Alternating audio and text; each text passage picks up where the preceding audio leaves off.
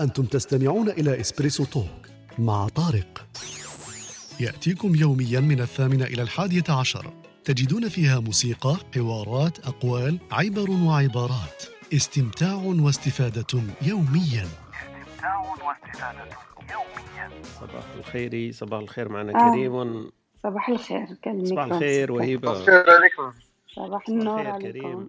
كيف الحال؟ لا الخير. والله.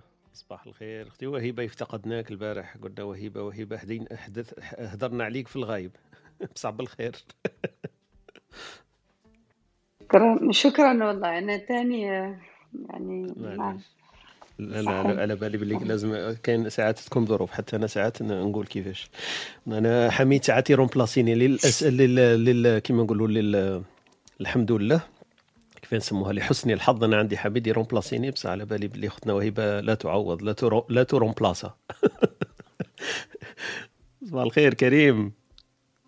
خويا طارق وشحولكم لاباس شوية بخير. حميد؟ أختي وهبه لاباس صحتك بخير. والله ça va غير مع الخدمة هي ولدي آه، إيوا. منين البارح جينا ندخلوا زوج دقائق لي ما زال الدنيا الواحد بيين serveur طايح. والله. خلطه والله. لا لا كي رحت هكذا بسرعة عرفت أنا باللي يصير الهيت ما كاش مشكل. اي هي والله عيطوا لي ديريكت دونك تسمى جيت اوبليجي باش نخرج من لابيل لا، عرفتها. باللي خلطه نو نو كاش مشكل. تسمى عندي المونيتورينغ سيستم تسمى نشوف آه، كي تصرى حاجة تجي كاين اليرت. تجيك الحمراء هذيك. آه تجيك على ويتكرياتي كي تلقى اسايني ليك نوتيفيكاسيون دونك ما فيهاش بعد ما تقدرش تدخل ثلاث كلمات ولا لا لا ما كاينش مشكل إن شاء الله. أنا راني كيما حكيت البارح لي رونجيستروم آه اليوم ثاني زدت نسيت باش ندير ريك هذيك ريكوردد على بالك في les titres آه، ننسى عندي ثلاث أيام ننسى باش ندير recorded هذيك في ال titre باش الناس تعرف باللي راهي enregistrée. façon دركا على بالك باللي راهو enregistré. نحطها في podcast donc راني pré- pré- préparer ت قاعدين les files هذوك ندير لهم شوية editing نقص الموسيقى وقاعدين وندير لهم بودكاست تسمى les émissions تقدر تلقاو les titres تاعهم ولا par jour ولا par آه، titre زعما كيما البارح حكينا على الأبوة تلقاوها في البودكاست مكتوبة la date تاع البارح le 12 ويت والابوه ويقدر واحد يسمعها كاملة فيها واحد ساعتين تقريبا ساعة ونص. donc la discussion هذيك كامل تقدر تعاود تسمعها من بعد الا فاتك ال live تاعها ما كاش مشكل. voilà voilà. donc آه، صباح الخير عليكم قاعدين جماعة اللي طلعوا معنا راح نحكيو اليوم إن شاء الله على موضوع الأمومة. البارح كنا حكينا على الأبوة. donc آه، باش ماشي اللي يدخل يقول لنا تحكيو غير الأم والأب نسيتوها انا حكينا البارح على الأب وبدينا به déjà. اليوم نحكيو إن شاء الله على الأمومة. كان أختنا وهبه إن شاء الله تتحفنا بباقة من الأمثلة الشعبية. نداولوها إن شاء الله في هذا الموضوع. وكاين خونا خونا خالد راح يجينا مع كبسولة علمية. donc مع خالد راح نطرقوا آه، واحد الموضوع شيق يسموه التنمية البشرية. donc développement personnel ولا développement مش عارف كيفاه قلتها لك قبيل آه، حميد نسيت. donc آه، نحكيو على هذا الموضوع ونناقشوا إن شاء الله الموضوع تاع المحور تاع discussion اللي هو الأمومة إن شاء الله. voilà voilà donc هذا البرنامج لصبيحة اليوم الجمعة وإن شاء الله يكون يوم مبارك و... ويكون فيه كما نقولوا إثراء لل- للمعلومات لكل فرد إن شاء الله معنا. ولا نديروا شوية برك موسيقى لغاية ما يطلعوا معنا خاوتنا ون- ونعاودوا نوليو voilà استماع واستفادة يوميا. إن شاء الله اليوم يكون الموضوع تاعنا كما قلنا عن الأمومة. donc نحكيو على هذا الموضوع آه، اللي هو شوية معروف ومجهول في نفس الوقت. الناس كامل تعرف آه، موضوع الأم والأمومة والأهمية تاعو والدور تاعو وكما نقولوا تفاصيله خباياه بصح كاين أمور بالك آه، راح نطرقوا لها من من جوانب واحدة أخرى قليل وين نحكيو فيها. donc آه، هذا هذا الهدف تاعنا إنه نخرجوا بمعلومات ولا بإضافات على واش كنا نعرفوا ماشي ن- ن- نعرفوا الم- المعترف عليه ولا الم- المتعارف عليه. donc هذا هذا الهدف تاعنا من اللقاء تاعنا اللي راح نحكيو فيه اليوم.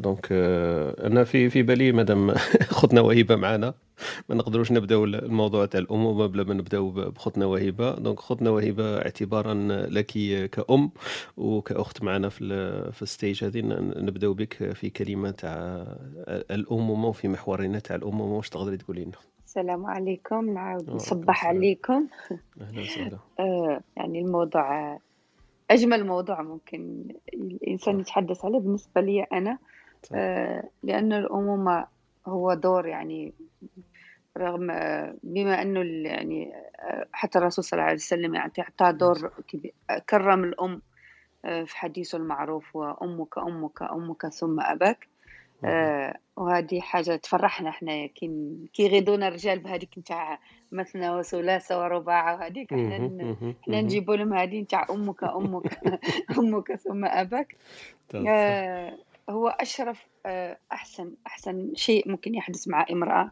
هو إنها. تكون أم. آه، آه، ممكن تضحي بأي شيء لأنه الأم مستعدة أنها تضحي من أجل أولادها من أجل بيتها من أجل عائلتها آه، نظن هذاك وعلى شر الله عز وجل أعطاها هذاك هذيك القيمة ولا هذيك المكانة يعني في. بيتها أنها تكون هي آه، المكرمة وهي ال-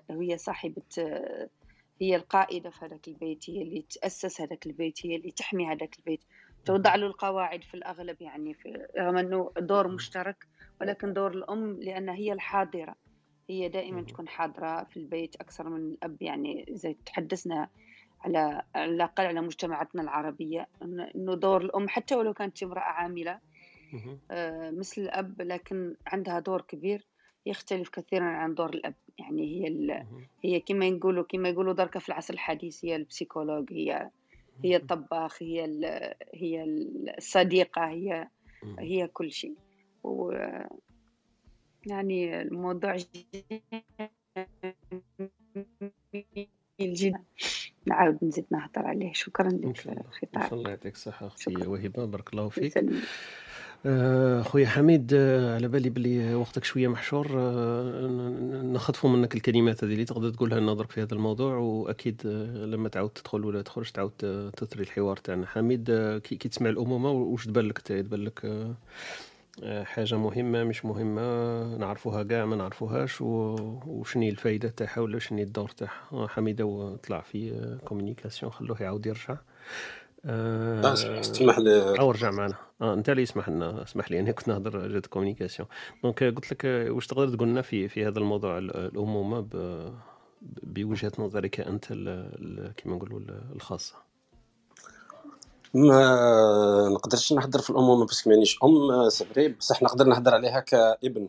بالك هذا هو المشكلة تاع الراجل هو الراجل المشكلة تاعو هذه هي إيه. بقيت يشوف يشوف الأمومة يشوفها غير في امه ما يشوفهاش في المراه تاعو هذا هو المشكلة شوية donc. آه، أنا كنت راح نقول لك هاك كنت راح نقول لك أكيد شفت آه. الزوجه تاعك وشفت الأم تاعك أنت تقول لا لا بلي الأم برك تـ comparer آه، لا لا زعما شغل كي تحكي عليها عاطفيا تحكي عليها من ذا الـ côté بصح آه، هي الأقرب لك الأم c'est normal آه، شغل أنت تشوف الأم تاعك plus que تشوف المرأة تاعك كأم صح بصح آه، أنا اللي نشوف هالهضره اللي قالتها وهبه كاع صح تبان بلي صح. c'est normal هذه هي ما كاش.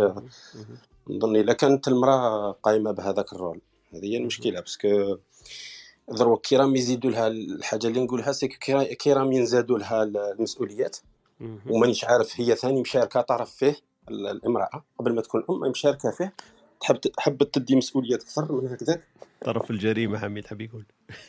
لا مش طرف هي ولا صار مشكلة سبحان الله. الله غالب هي المستوى مشاركة في هذا السؤال اللي اللي قلته كنت راح نطرحه لك. كنت راح نقول لك باللي البارح أنت قلت لنا باللي زادوا لها واجبات والراجل نقصوا له الواجبات اللي نقول لك est-ce que هي كيما نقولوا دركا زاد عليها العبء ولا خف عليها ولا تحس روحها à l'aise هكذا كي زادوا لها الواجبات هذو. est-ce que زادوا لها تشريف صرا لها صرا لها مشكلة. لها complication درك ولات عندها ادوار أكثر من اللي هي كانت عندها وتعقدت الأمور.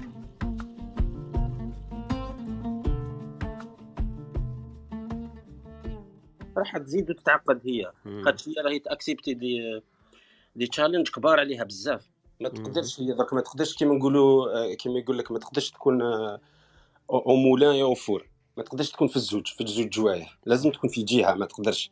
مم. الأم اللي كانت تحكي عليها وهبه وتقول لك malgré كانت خدامة أنا مانيش مأمن بها بزاف في واحد ال génération. كانت كاينة في واحد ال génération قبل تاعها par exemple هي تاع الأج تاعها bien كانوا متحملين هذيك المسؤولية بزاف. ومن بعد كي شافوها بناتهم.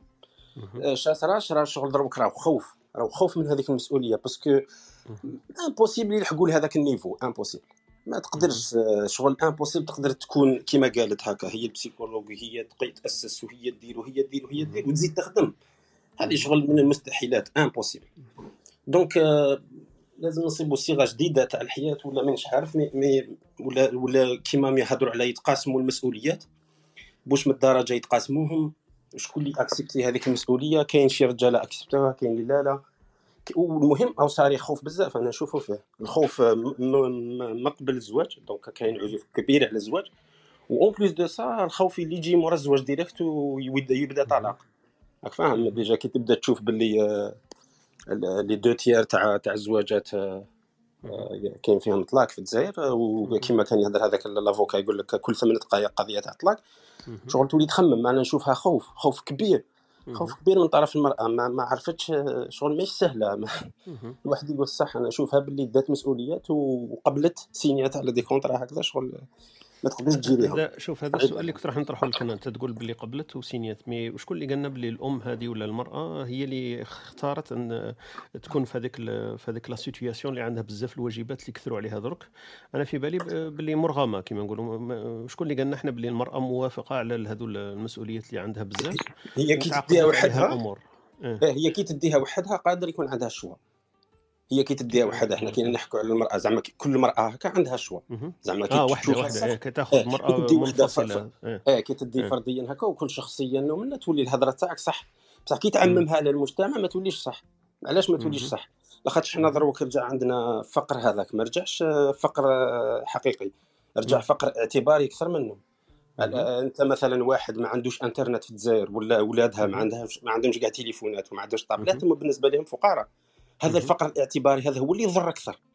فهمت؟ هذه هذه الفرق ما بين la douleur و la souffrance دروك. الناس ت souffrir أكثر إيه. من الفقر أكثر من أنه دولار. ما- ماشي زعما ما مشي ياكلوا ولا ياكلوا مش مشكلة هذا ال problème.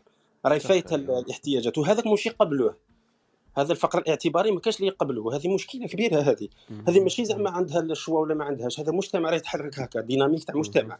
وشكون اللي يكون قوي؟ est-ce que المجتمع ولا الفرد؟ الفرد أنا عارف باللي عنده دائما choix بصح مرات يكون في مجتمع مش سهلة. مرغم شوية. سهلة. إيه، شغلك شايف شغل ماشي مرغم هو موش هو يتحرك dynamique مو هكا يديرها sans penser non non c'est vrai هذه الحكاية تاع ال souffrance اللي قلت عليها حكاية ال- ال- الفقر ال- ال- الاعتباري كما نقولوا الفقر هذه la souffrance اللي رانا فيها مش آه، كما قلت ماهيش ماهيش دائما مبررة كاين اعتباريا ومش مش واقعيا زعما. كما قلت الماكلة والشرب الناس قاعدين تاكل ولات بصح كاين عندهم واحد الأدوار واحدة أخرى من جانب واحد آخر. donc آه، أنا في بالي ال- كما قلت الأمومة آه، كاين أمور وين وين صح ال- ال- الأمومة عندها كما نقولوا الدور هذاك دائما اللي تلعبوا باين باين في الوسط وكاين أمور واحدة أخرى تتفرع عليه. هذيك الأمور اللي تفرع عليه هي اللي في بالي تضيع تضيع بزاف الجهد وتضيع بزاف الوقت. لو تحكي أنت على أم تقول لها كيف راكي تنوضي في الليل تسهري تتعبي الأمور هذه هي تبان لها قاعدين ماهيش أعباء لأنه كاع مش تشوف فيها عبء هي تشوف فيها بلي simple و normal وقاعدين الناس يروماركوها من برا لكن هي الأم ديرها ب- بالفطرة تاعها donc ما تحسلهاش كامل. donc أنا تبان لي هذا الأمور اللي ديرها وما تحسلهاش آه، إحنا إحنا نوطيوها وهي وهي مش حاسة لها. donc آه، هذا le point بصح هي quand même c'est c'est l'effort اللي راها دير فيه مش سهل.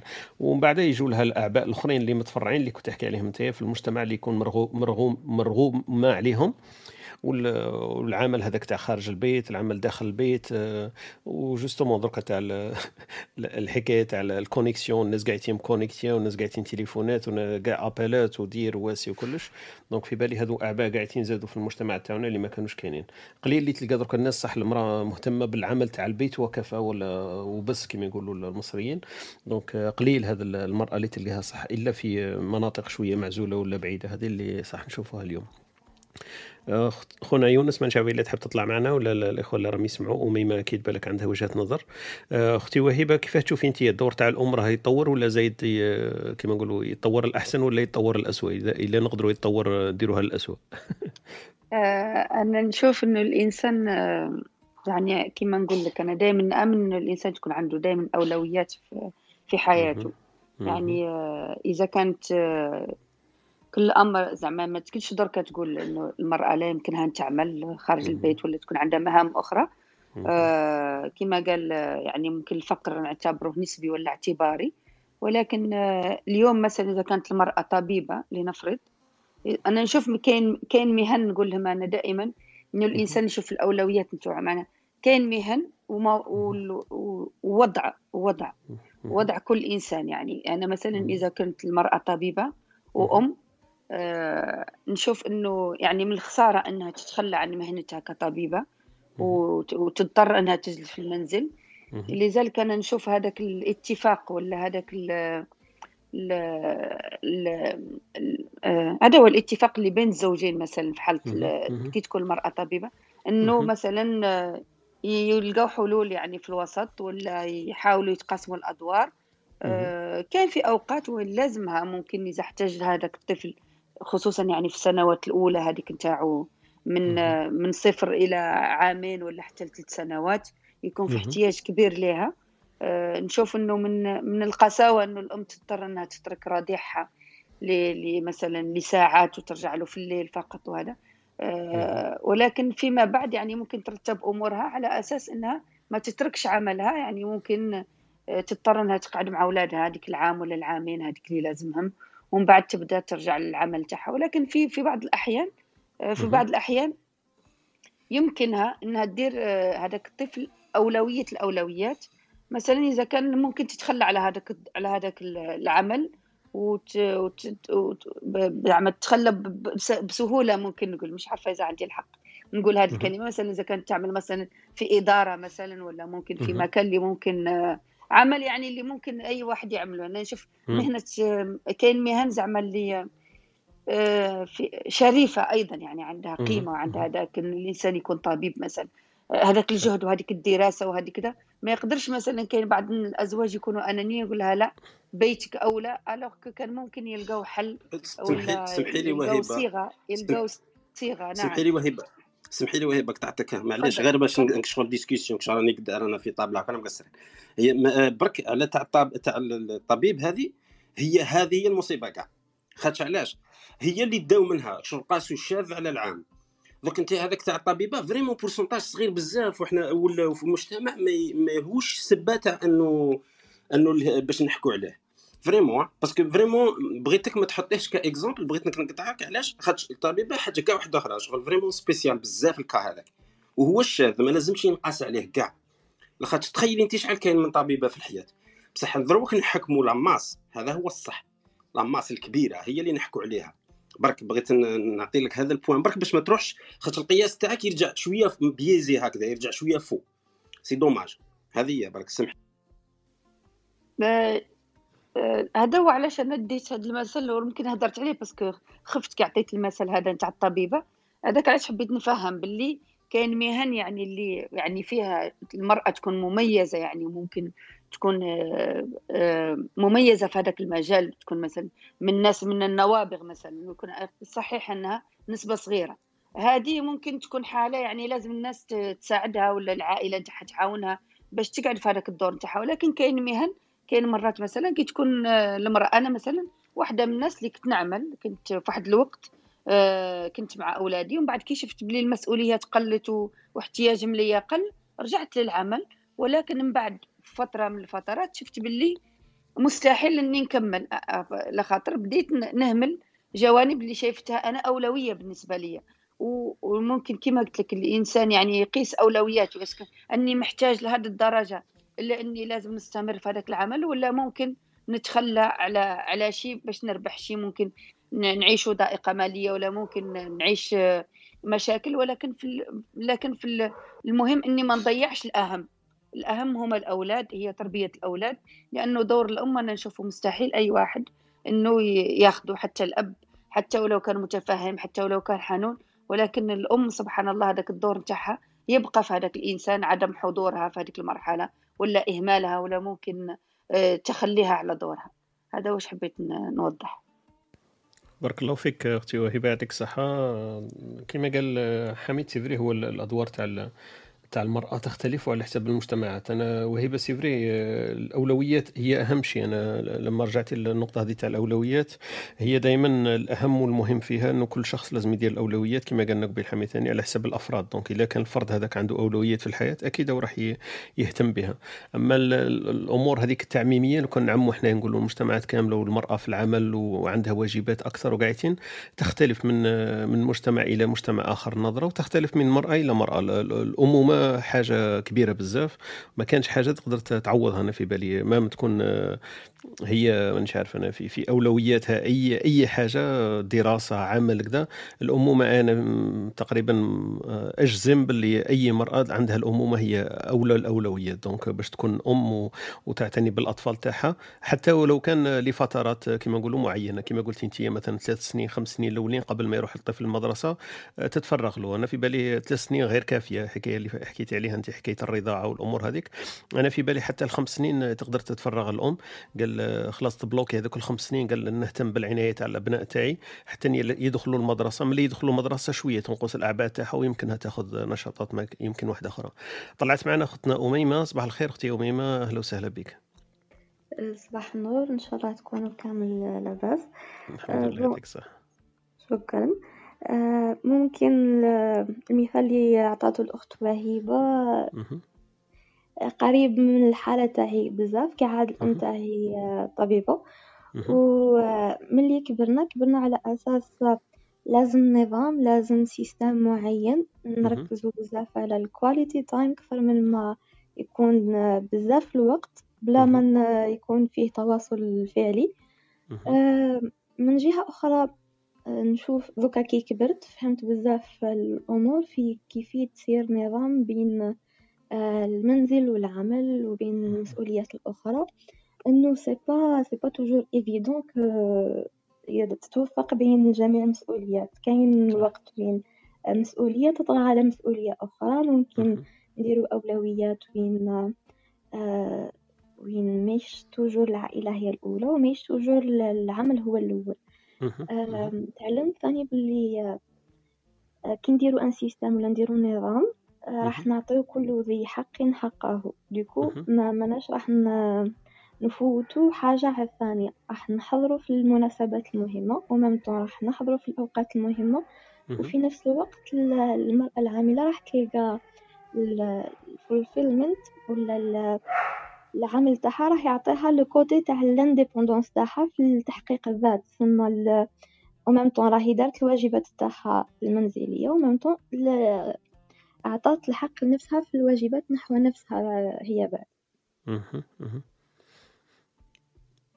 في- okay يعطيك الصحة. وي نا- أميمة عندك الحق c'est vrai هي لما يكون كاين قانون كما قلتي الحقوق باينين ولا ويكون كل شيء مدروس c'est vrai يكون الأمور متفق عليها وباينة ما يكونش فيها كما قلتي شوية آه، آه، هكذا سوء فهم ولا كما نقولوا يكون واحد يطغى على الآخر.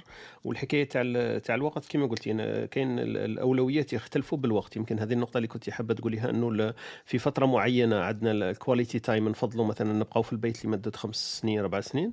ومن بعد مش شرط إنه تبقى منقوشة على الحجر هذيك. دائما نبقى في البيت بعد خمس سنين واحدة أخرى يتغير القانون وتولي بالعكس. الأم هذيك تتخلى شوية على بعض الأعمال ولا الأعباء تاعها اللي في البيت وتاخذ عمل برا ولا تاخذ مانيش عارف يعني عندها هواية ولا عندها عمل برا لأنه إحنا لما نخمو أنا في بالي عندنا واحد واحد ال système في الراس تاعنا لما نقولوا المراه تروح لبرا أكيد تعمل برك. ما نخموش إنه المرأة يمكنها تروح دير واحد النشاطات واحدة أخرين من غير العمل بلا ما يكون فيها داخل إيجار ولا دراهم. نتقبلوها إنه الراجل مثلا يطلع يروح يدير رياضة ولا الراجل يروح يدير سباحة يدير هوايات يدير كذا بصح ما يجيش في راسنا إنه المرأة يمكنها تطلع وتدير هوايات. مرأة مثلا عندها ما يكفيها من المال عايشين لبس عليهم. تقدر هذيك المرأة تفتح أتولي تاع رسم عندهم مانيش عارف أنا آه، هكذا دكان صغير آه، تبيع فيه اللوحات تاعها ولا عندها هواية تاع الخير خياطة ولا عندها هواية تاع آه، تاع مراقبة النجوم سيدي إحنا واش دخلنا عليه لازم نربطوها دائما المرأة لازم يا تخيط يا ترسم وخلاص. دونك المرأة عندها مراقبة النجوم يا سيدي عندها عندها هكذا آه، جمعية ولا عندها مجموعة تاع نساء يتلاقاو هكذا يريحوا عندهم هوايات هكذا خاصة يدرسوها في بينهم. donc في بالي هذه كما قلت أنت ال quality time هذاك مهم ومش شرط إنه ال- ال- ال- الأولويات يكونوا دائما هما نفس الأولويات بعد مرور الوقت. donc ثلاث سنين خمس سنين نقدروا نبدلوها. إحنا نحكيو على الأمومة مش نحكيو على المرأة. في بالي ما نقدروش نفصلهم على بعضهم على بها نشوف الحوار تاعنا ساعات صعيب. لما نحكيو على الأمومة رانا نحكيو على المرأة ب- كما نقولوا شوية ب... ب... في صفات مختلفة ومتنوعة. donc الأمومة أكيد مربوطة ارتباطا وث- وتيدا وثيقا بال... بالمرأة أكيد. donc المثال اللي طرحته قبيل أختي وهبة قالت لك آه، المرأة شرفها الدين تاعنا وفي الأحاديث تاعنا يقول لك أمك أمك ثم أباك. donc هذا قالت لك اللي حنا نجبدوه الجوكر تاعنا. أي أي حاجة يكون فيها الرجل يحكي نقولوا له خلاص الرسول عطانا هذيك ال هذيك كيف يسموها الصيغة هذيك اللي ما عندك ما تهضر فيها. وكاينه أكيد هذيك المثل اللي نعرفوه حنايا اللي يقول إن الجنة تحت أقدام الأمهات لعظم لعظمة الأمومة. الدور تاع الأم هذاك عظيم كبير ياسر. دونك لذا إحنا في ديننا وثقافتنا تكريم وتشريف ثاني لأنه الجنة تحت أقدام الأمهات وباين بالتفسير بين ليس تحت أقدام الآباء. هذه الاعتبارات المختلفه مشقة العمل الامومه ومشقة هذيك العاطفة عندها. عندها كما نقولوا انسياب وإثراء فيها كبير ياسر فهذاك أكيد فيه جهد جهد كبير بزاف. طلعت معنا أختنا نادية أهلا وسهلا بك صباح الخير أختي نادية. اليوم شوف الإناث راهم أكثر أكثر من الذكور لأنه موضوع الأمومة. بونجور نادية. الصبايا اللي معنا اليوم. أهلا وسهلا. أهلا وسهلا صباح الخير أختي صباح الخير نادية مرحبا بك. حبيبتي يا هلا يا هلا. صباح الخير. يسعد هالصباح يا أهلا وسهلا. صباح كثير حلو بتمنى لكم جميعا يوم مشرق وسعيد. أهلا وسهلا بك أهلا وسهلا أختي نادية. في موضوع الامومه ماذا يقول من من لندن؟ والله يعني امبارح ماذا يقال باش ما تصحنيش. ماذا يقال؟ مش يقول. ماذا يقال من لندن في الامومه والله كل شيء بينقال. يعني الام الأم هي كل شيء. الأم دنيا. وصدقوني تربية الأم لأولادها هو الأساس ببناء المجتمع الصحيح والمجتمع الناجح. فإذا اشتغلنا على الأم معناتها اشتغلنا على مجتمع بناء وبيوصل للرقي وإلى الأعالي. أهم شيء بالأمومة الحقيقة هو التربية. وأنا بشدد دايما بكل أقوالي ومقالاتي اللي بكتبها أنه على الفتاة أنه نربيها أنه لما أنت تختاري تكوني أم عليك أن تكوني مسؤولة لأنه أنت لما بتكوني مسؤولة على أولادك وقررت تجيبي أبناء لازم تربيهم تربية صالحة. هيدا هو أساس الأمومة. لازم نركز كتير على موضوع التربية والأمومة شو بتعمل. يعني الأمومة نحن بنعرف إنه الأم بتضحي الأم بتصبر الأم بتعمل بس كله هيدا كرمال مين؟ كرمال أبنائها الأطفال اللي قررت إنجابهم بإيدها هي اللي وافقت وقررت وكانت مسؤولة على إنجاب الأطفال. فإذا ما بعد ذلك عليها بالتضحية عليها بالوفاء عليها بالصبر عليها بفعل كل ما بوسعها في سبيل أن تربي تربية صالحة. هيدي هي الأم بالنسبة لي إذا ما ربت أولادها من الصغر على المدى الصحيحة ألو تسمعيني أختي نعم إذا لم تربي أوكي. أولادها على التربية الصحيحة فإذا هي للأسف أم فاشلة. أختي نادية انت حكيتي موضوع الامومه أنا عندي واحد السؤال هكذا بسيط ما نعرف إلا يمكن تجيبي عليه. الامومه اللي حكيتي عليها هل هي دائما قرار أم هي إجبار في مسار؟ شوف أستاذ طارق هي بحياتنا ما في شيء عموم. نحن كبرنا وتعلمنا وصرنا بخبرة بالحياة صرنا نعرف إنه ما في شيء عام. دائما في حالات خاصة بهيدي الحياة. بس مش لازم ابدا نعمم شذوذ الحالات الخاصة على الحالات العامة. بالنهاية عندما الأساليب الصحيحة لحتى تجيب طفل أو ما تجيب طفل. ما في حدا تقول لي آه، تجي بنت تقول لي أو ست تقول لي لا جبرني. ما في شيء اسمه جبرني. آه، نحن النساء نعرف تماما كيف نتعامل آه، مع الرجل إذا كانت بدها تجيب طفل ولا ما تجيب طفل. فما في شيء اسمه إجبار. ما في شيء اسمه إجبار. لا أؤمن بهذا الشيء. المرأة لازم يفوت على مرحلة الأمومة أنه مرأة لا, تحت... لا, لا, لا تعتبر نفسها يعني مرأة مكتملة إذا لم تكن يوما ما أم. هذا اللي قصدي قصدي في المسار تاع الأنثى أنه لازم في مسارها يوما ما تكون أم. هذا اللي قصدي. ليس إجبارا من من رجل ولا من عائلة ولا مجتمع نعم. ولا حاجة. هذا اللي قصدي من كلمة إجبار. هذا اللي حبيته. آه فهمت. فهمت. نعم. فهمت الأطفال ما بدها تعامل عائلي هي قادرة على أنه تقول لا أنا ما بدي أستمر. آه، نحن بطلنا بالعصر الزمان أيام زمان كانوا يجبروها تتزوج ابن عمها وابن خالتها وهالحركات القديمة. ما شاء الله صاروا البنات آه، كل وحدة لسانها مترين وثلاثه وكل وحدة عندها حريتها وكل وحدة عندها رأيها. آه، عندما ترى الفتاة أنه هي لا تريد الزواج ولا تريد أن تصبح أم من حقها أن تقول لا. ما في شيء اسمه إجبار ما تصدق أستاذ طارق هيدي كلها آه، لعيب وكلها كذبات لأنه آه، البنت الغير عاقلة تنغر بدها تلبس فستان الزفاف وبدها تفرح وبدها تنبسط مع شاب يقول لها كلمتين حلوين إنما لا تصدق. آه، هو فعلا هي لازم تقرر ما في ما في حدا بيجبرها. أوكي. شكرا أختي نادية بارك الله فيك يعطيك الصحة على المداخلة هذه نتاعك. طلع معنا أخونا خالد صباح الخير أهلا وسهلا فيك خالد. كيف حالك وأحوالك؟ آه صباح الخير عليكم كامل إن شاء الله تكونوا بصحة وعافية. ربي يحفظك. حميد الأخت وهيبة والأخت أميمة والأخت نادية أيضا بارك الله فيكم. صباح الخير.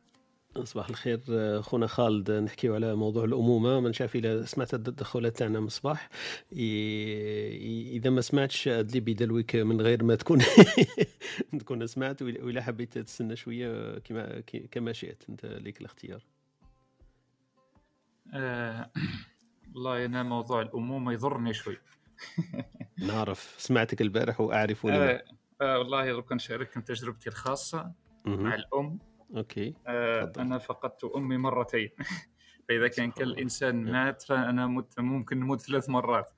آه أنا الوالدة طلقت وأنا عمري عام لا أعرفها وتعرفت عليها وأنا عمري 20 سنة يعني 19 سنة لم أراها. آه بعد ذلك كنت مشغول قليلا بالدراسة بعيدا عنها والعمل وما إلى ذلك. لكن استمتعت بآخر عامين قبل ما نجي لأوروبا. آخر عامين كانت مقيمة معي دائما يعني.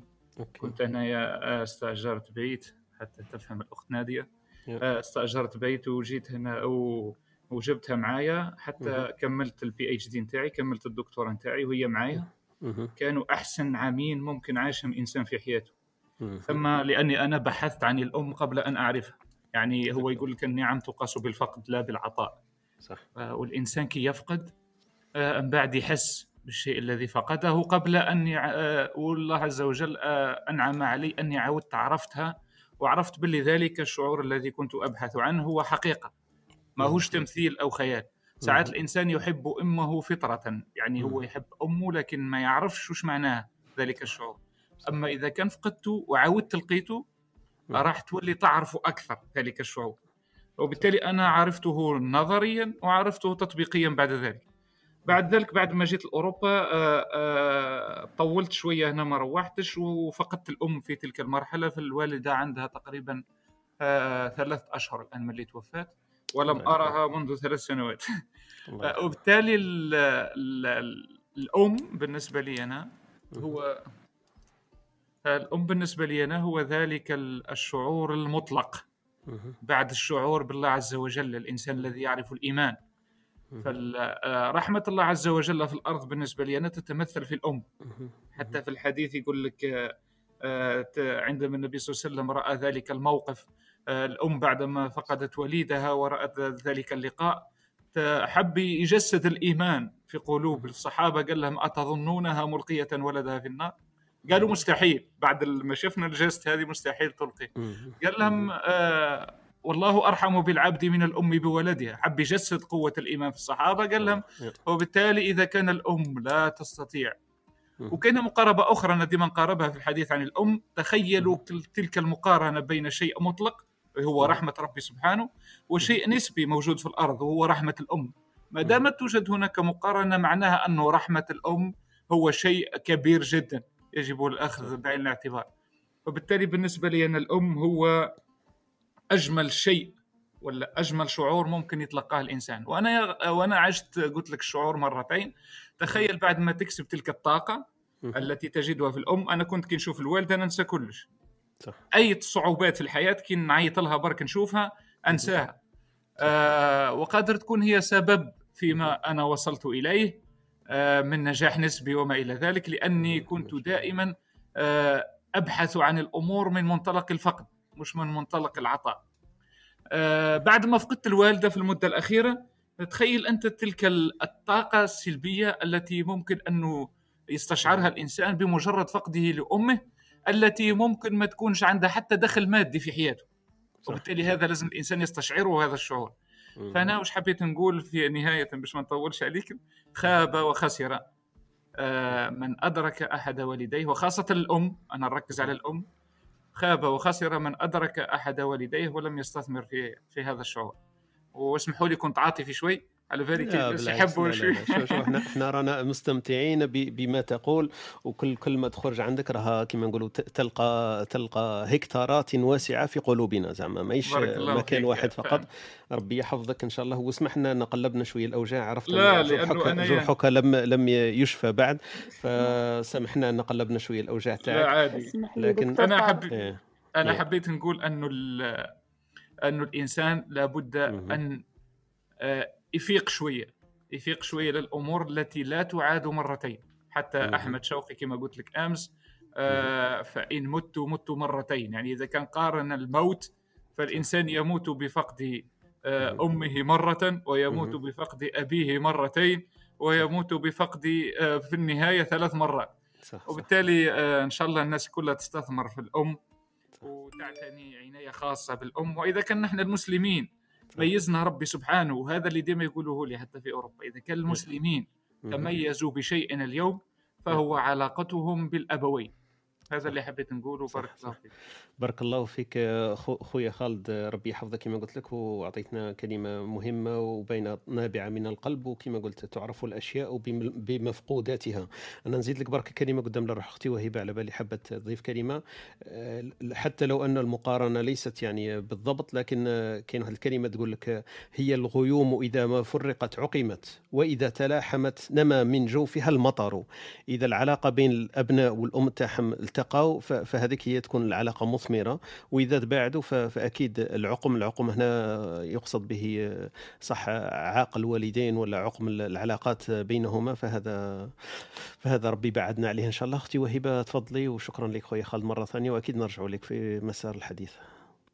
أنا حبيت من من اللي بدا معنا اخويا خالد وأنا حبيت نقول له إنه دائما يستسمح عندما يطيل حبيت نقول له إنه كلامه دائما جميل ويعني وعنده فصاحة وبلاغة ما شاء الله.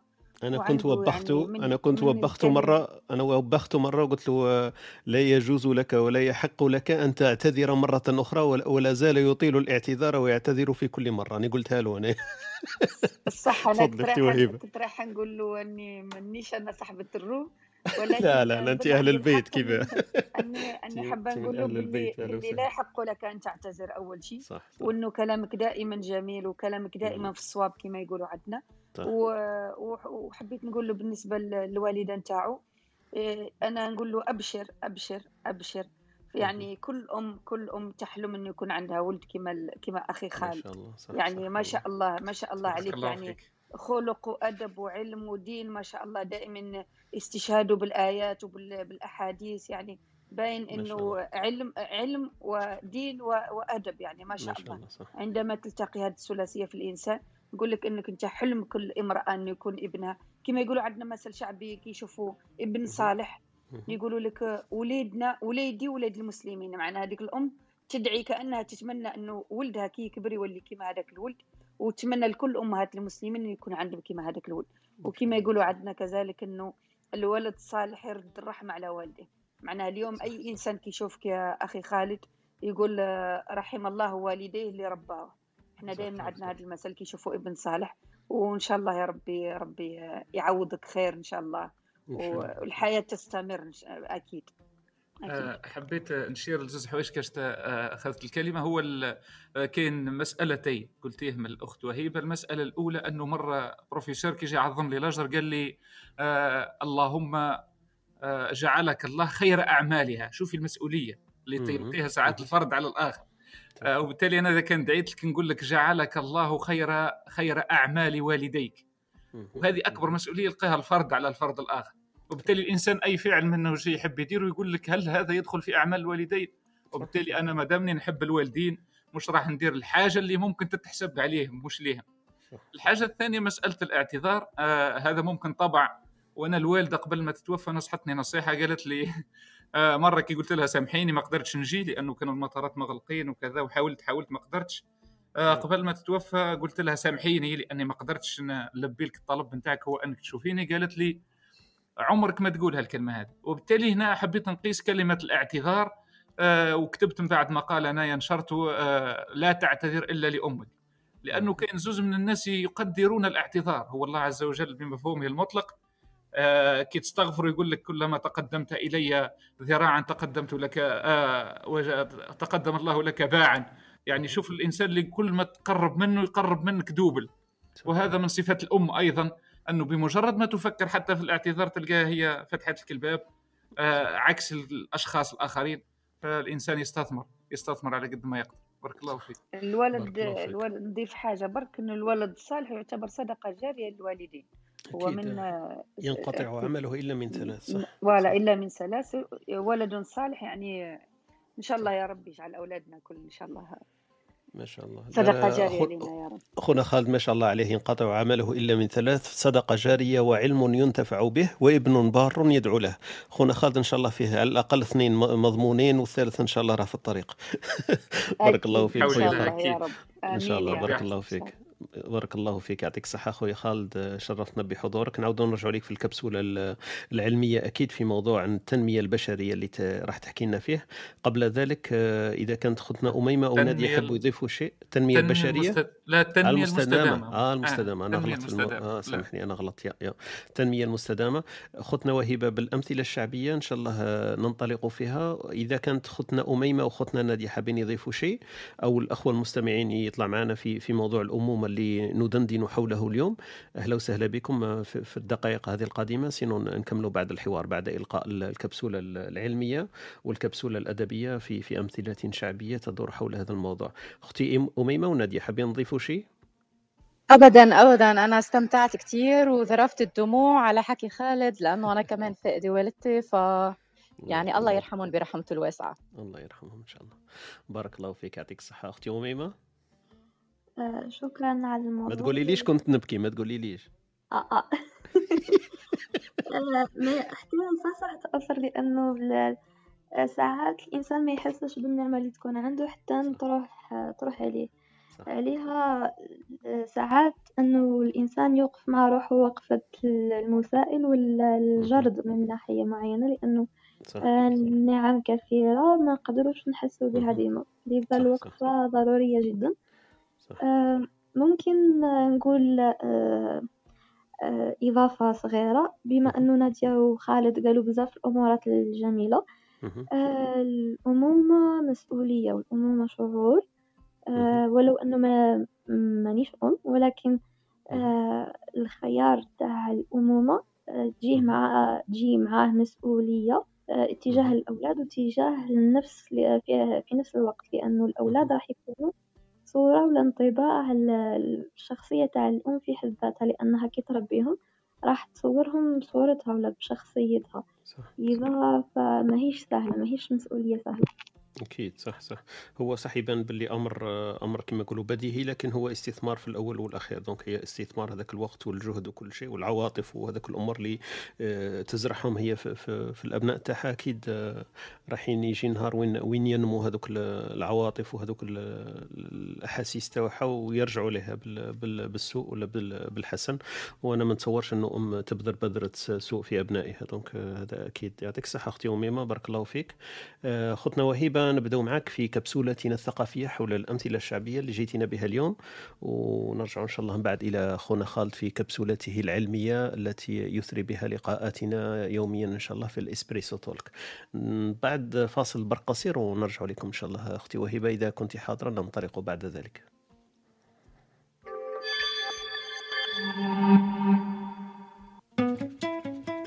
أنتم تستمعون إلى إسبريسو توك مع طارق. يأتيكم يوميا من الثامنة إلى الحادية عشر. تجدون فيها موسيقى، حوارات، أقوال، عبر وعبارات. استمتاع واستفادة يوميا. استمتاع واستفادة يوميا استماع واستفادة يوميا. أختي وهبة مع الكبسولة الثقافية. تفضلي أهلا وسهلا بك. آه، شكرا لك أخي خالد. راح. راح ندير مقدمة برك قبل ما نعطيكم الأمثال الشعبية. لأنه آه، في في في في وقت في وقت ما يعني آه، في القديم شوية كانت كانت المرأة تعد من منذ صغارها يعني قبل ما تبدأ تعرف مجال العمل ومجال الدراسة وهذا كانت في الأسرة تحضر لتكون أول شيء زوجة ثم أم. معناها كل ما تتعلموا في هذيك الفترة قبل ما تروح لبيت زوجها وكانت هذه هي كانوا هذوما المرحلتين اللي كانوا في حياتها. ما كانش مرحلة أخرى يعني عندها دور إنها تكون ابنة في البيت وابنة ابنة يعني امرأة وابنة ثم تصبح زوجة وأم. آه، كانت كانت كانت كانت الخيارات يعني ما عندهاش يعني شيء ثاني ممكن تختاره في حياتها. مثلا اليوم اليوم عند المرأة ممكن آه، تدرس تدرس يمكن تعمل تتطور في مجال العمل لكن في القديم كان عندها دورين فقط هو أن تكون ابنة ثم زوجة ثم أم. آه، كانت كانت حتى الأمومة بما يعني إنجاب الأطفال إذا تحدثنا عن هذا الجانب كان إنجاب الأطفال كان بالنسبة لها شيء بديهي. معناها كان لازم تنجب أكبر عدد من الأولاد مثلها مثل قريناتها في المجتمع. مثلا نشوفوا المجتمع يعني في القديم في أعمامنا و... وأجدادنا كانت العائلة يعني ما شاء الله تتكون مرات من عشر أفراد. وأكثر. أنا كانت المهمة نتاعتها هي كانت أنها تنجب الأولاد وتربيهم في البيت. بالإضافة إلى كونها طبعا الزوجة. اليوم اليوم المرأة عندها أدوار مختلفة. هي زوجة هي أم هي عاملة هي توجد في الحياة يعني كما قلت الدكتور طارق أشياء أخرى ممكن تمارس تمارس هواياتها. آه، حتى لو كانت يعني ميسورة الحال مش محتاجة للعمل. تمارس هواياتها وتمارس أدوار كثيرة. آه، لذلك زمان كانوا يقولوا كان عندهم مثل شعبي معروف يقول لك يمشي زمن الخديدات ويجي زمن الوليدات. هذا المثل وش معناه؟ معناها من هذيك الطفل الفتاة الجميلة الشابة آه، تكون فرحة تفرح. كما يقول لك تفرح بزينها وبجمالها وكلش. ومن بعد كي تتزوج يولي عندها دور آخر هو إنها تصبح زوجة وأم. يقول لك زمن الوليدات معناها كل أولويتها تصبح أولادها. هذا هو علاش يقول لك يمشي زمن الخديدات ويجي زمن الوليدات. معناها الأم تزيد تشوف روحها في هذوك الأولاد. معناها حتى ولو تشوف روحها تكبر في السن ولا ممكن تشيب ولا تكبر دائما تشوف هذاك النقص واش مش ما نسموهش نقص ولكن هذاك تكمل روحها بأولادها. يعني بتربيه أولادها وكي تشوفهم يكبروا وناجحين وتكون فخورة بهم. صح. آه و... وال... والحاجة الثانية اللي حبيت نديرها هي المقولة اللي تقول لك الأم مدرسة إذا اعددتها اعددت أعددت شعبا طيب الأعراق. هو طيب النقطة اللي تكلمت عليها أختي نادية هو إنه الأم آه، يجب أن تحسن تربية أولادها لأن هي الركيزة الأساسية في المجتمع. ودورها لا يعوض ومكانتها لا يمكن أن تعوض. رغم أنهم حاولوا في مجتمعات أخرى يعوضوا الأم بالأب ويعوضوا الأم بأشياء أخرى ولكن الأم تبقى هي الأم وهذه الحاجة نشوفها في تماسك المجتمعات العربية رغم كل المشاكل اللي عندنا ولكن عندنا شيء تحسدنا عليه الشعوب المتطورة هو علاقة الآباء بالأبناء. أنا ما كانش ابن في مجتمعاتنا إلا إلا إلا الشواذ يعني إلا الا يعني لا يقاس الشاذ لا يقاس عليه آه، اللي ممكن ياخذ أمه ويحطها في دور العجزه ولكن في المجتمعات الأخرى الشيء الطبيعي هو أنك تحط والديك في دار العجزه واللي اللي يريح مع والديه ولا يعتني بهم يعتبر هو الاكسبسيون في هذه المجتمعات. هذه هذه حاجة نحمد عليها ربي. رغم كل الأشياء السلبية اللي عندنا في المجتمعات في في المجتمع كما يسمونها العالم الثالث ولكن هذه حاجة نفتخر بها الحمد لله. الحمد لله صح. شكرا. بارك الله فيك يعطيك الصحة أختي وهبة. المثلين الشعبيين اللي قلتي لنا عليهم اليوم ما شاء الله الأولى اللي قلتي لنا أنه مسار الحياة الفتاة ولا البنت أنه بعد كما قلتي بعد الزهاء والثراء تاعها أن تصبح زوجة النقطة اللي تجي بعدها أكيد أنه راح تصبح أم. ففي هذا المثل يطرح اللي قلتي لنا عليه يمشي زمن الخديدات ويجي زمن الوليدات. والمثل الثاني اللي قلتي لنا اللي أكيد أغلبنا يعرفه إذا لم يكن جلنا دونك هي المدرسة الأم مدرسة. إذا أعددتها أعددت شعبا طيب الأعراق لدور وأهمية ال- الأم في في الأسرة وفي المجتمع ككل. بارك الله فيك أختي وهبة donc نعاود نشوفوا إلى خوتنا اللي راهم معنا. عندهم أمثلة تشابه هذا ولا يقولوا في منطقتهم حاجة تشبه لها. معنا نشوف باللي خونا يونس خونا سبوكي خونا ياسين صلاح ومعنا ككل يوم أهلا أهلا بكم. معنا مستمعين واحد آخرين معنا خونا فاتح معنا مروة معنا لولا ومعنا حنان وأمين. أهلا وسهلا بكم في صباحيات Espresso and Talk. نحكيو اليوم على موضوع الأمومة واللي هو أكيد موضوع أكيد طرقنا له بطريقه أو بأخرى. خونا حميد صباح في المداخلة تاعو قالنا أي واحد نطرحوا له سؤال تاع الأمومة يفكر في الأم تاعو وحتى إذا كان هو زوج وعنده أبناء ما يفكرش في الزوجة تاعو كأم. العلاقة الطردية هذيك بينهما مانيش عارفين عليه لأنه الأم عنده دائما هي أمه هو وليست أم أبنائه donc آه، كاين واحد المفارقة هنا في ال- في الطرح اللي قالوا لنا قبيل خونا حميد يرجع معنا يمكن ويثري لنا يثري لنا ممكن آه، الحوار في هذا الشيء إضافة على هذه يا. دكتور طارق تفضلي أنا أنا الزوج- أختي وهيبة آه. أنا آه. قبيل وبخت خويا خالد وقلت له ما تزيدش تعتذر بصح أنت راه كاين. واحد الكلمة دائما نقولها لك بصح اسمحي لي في السجع شوفي نقول واحد الكلمة أنا لست بدكتور أنا فقط ingénieur d'accord آه، صح. آه، لكن بالنسبة لنا يعني مقام كبير معليش. لا ربي يحفظك. أنا أنا خاطيني الدكتوراه. ولست بدكتور donc أنا مهنتي. فقط ingénieur donc مهندس ولست بدكتور ابدا. دونك هذه الكلمة برك باش نقول لك. والله تفضلي أختي سامحيني. شكرا. آه، قلت لك هذا علاش كما قلت الزوج ما يشوفش زوجته أم.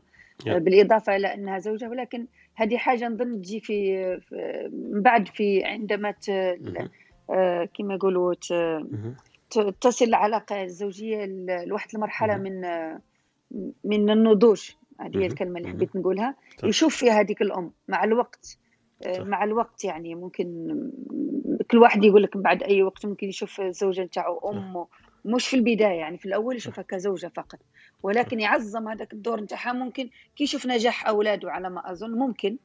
كل واحد. يشوف يشوف في هذاك الدور في مرحلة ما. ولكن خصوصا يعني كي يشوف أولاده ناجحين يشوف هذاك الدور نتاعها يبدأ يحسه يصبح هذاك الدور أكثر محسوس لأنه صحيح أنه مجهود يعني ثنائي.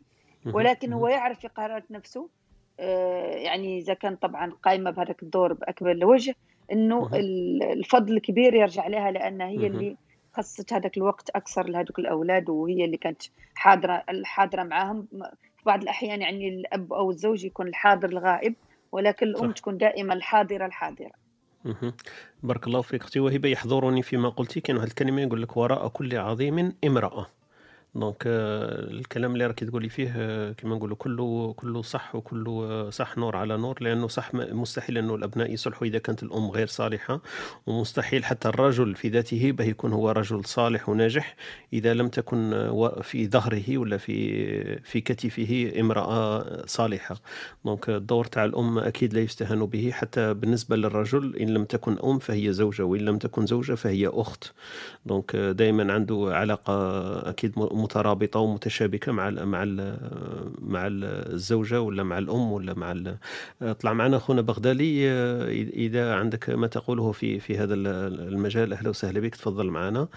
معنا اختنا أميمة اخونا خالد ما عارف اذا عندكم في مجال الأمثلة الشعبية اللي قالتهم لنا اختنا وهبه ما تقولونه؟ وإذا ما كانش حاجة نفوتوا لكبسولتنا العلمية اللي جانا بها اخونا خالد. أميمة عندك ما تضيفيه لا لا حاليا أنا في الاستماع ما جاش معليش. أهلا وسهلا. بك أهلا وسهلا بك معليش. إذا خوتنا اللي راهم معنا لتحت عندهم ما يقولون في في مجال الأمومة اللي هو موضوعنا تاع اليوم ولا في حكاية الأمثلة الشعبية اللي طرحناها من قبيل اللي حكت لنا اختنا وهبه ككل صباح في كبسولتها الثقافية جبتنا مثلين. قالت لك يمشي زمن الخديدات ويجي زمن الوليدات. هذا مثل يطرحه في في تطور ال- الاهتمامات والانشغالات تاع تاع البنت. لما تريد أن تكون زوجة ثم تريد أن تكون أم وهذا هو المسار الطبيعي لكل لكل أم وال- والمثل الثاني اللي قالته هو. الأم مدرسة إذا أعددتها أعددت شعبا طيب الأعراق هذا أكيد مثل كذلك يطرح في أهمية دور ال- الأم في في المجتمع آه، خويا خالد آه، إذا راك واجد ننطلق يمكن في كبسولتنا العلمية لهكذا باش يكون عندنا شوية وقت نكملوا فيه النقاش والدردشة تاعنا في الموضوع آه، إذا كان في الموضوع العلمي أو في موضوع الأمومة. نشوف باللي راهي تجاوزت العاشرة إلا ببضع دقائق دونك نكملوا هكذا باش يكون عندنا متسع في الوقت للنقاش والحوار حول الموضوع اللي راح تحكي لنا فيه. نفوتوا برك إلى فاصل إشهاري قصير ونواصل بإذن الله.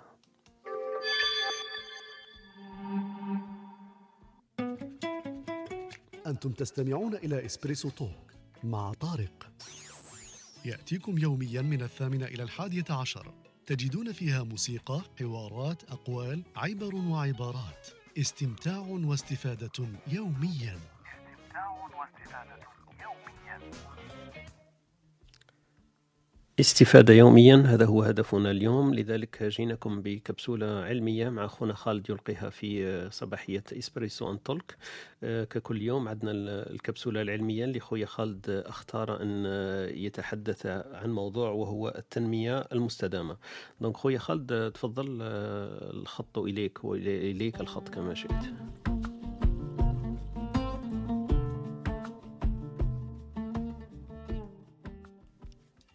آه شكرا أخي طارق. آه بارك الله فيك. آه بالأمس تحدثنا على على تخزين الطاقة الكهربائية آه بحكم أنه يميل قليلا إلى تخصصي. آه اليوم أردت التحدث عن آه التنمية المستدامة. آه رغم أني لست متخصصا لكني أرى أن التنمية المستدامة هو مصطلح آه يدخل آه في جميع مجالات الحياة وهو جزء من مجموعة من الدوائر فيها الصغير وفيها الكبير. فالتنمية المستدامة لها علاقة بالبحث العلمي. فالباحث اليوم إذا لا يعلم أين يستثمر بحثه فهو لا يدري أيضا الهدف من البحث. توجد ما يسمى أيضا بمجتمع المعرفة التي يدخل فيه كثيرا من الأمور مثل العدالة مثل مثل العلم مثل التربية والمجموعة من الأمور التي تخدم ما يسمى بمجتمع المعرفة. وتوجد دائرة الكبرى اللي هي تدخل فيها هذه الدوائر الصغيرة ما يسمى بالبحث العلمي مجتمع المعرفة واللي هي التنمية المستدامة.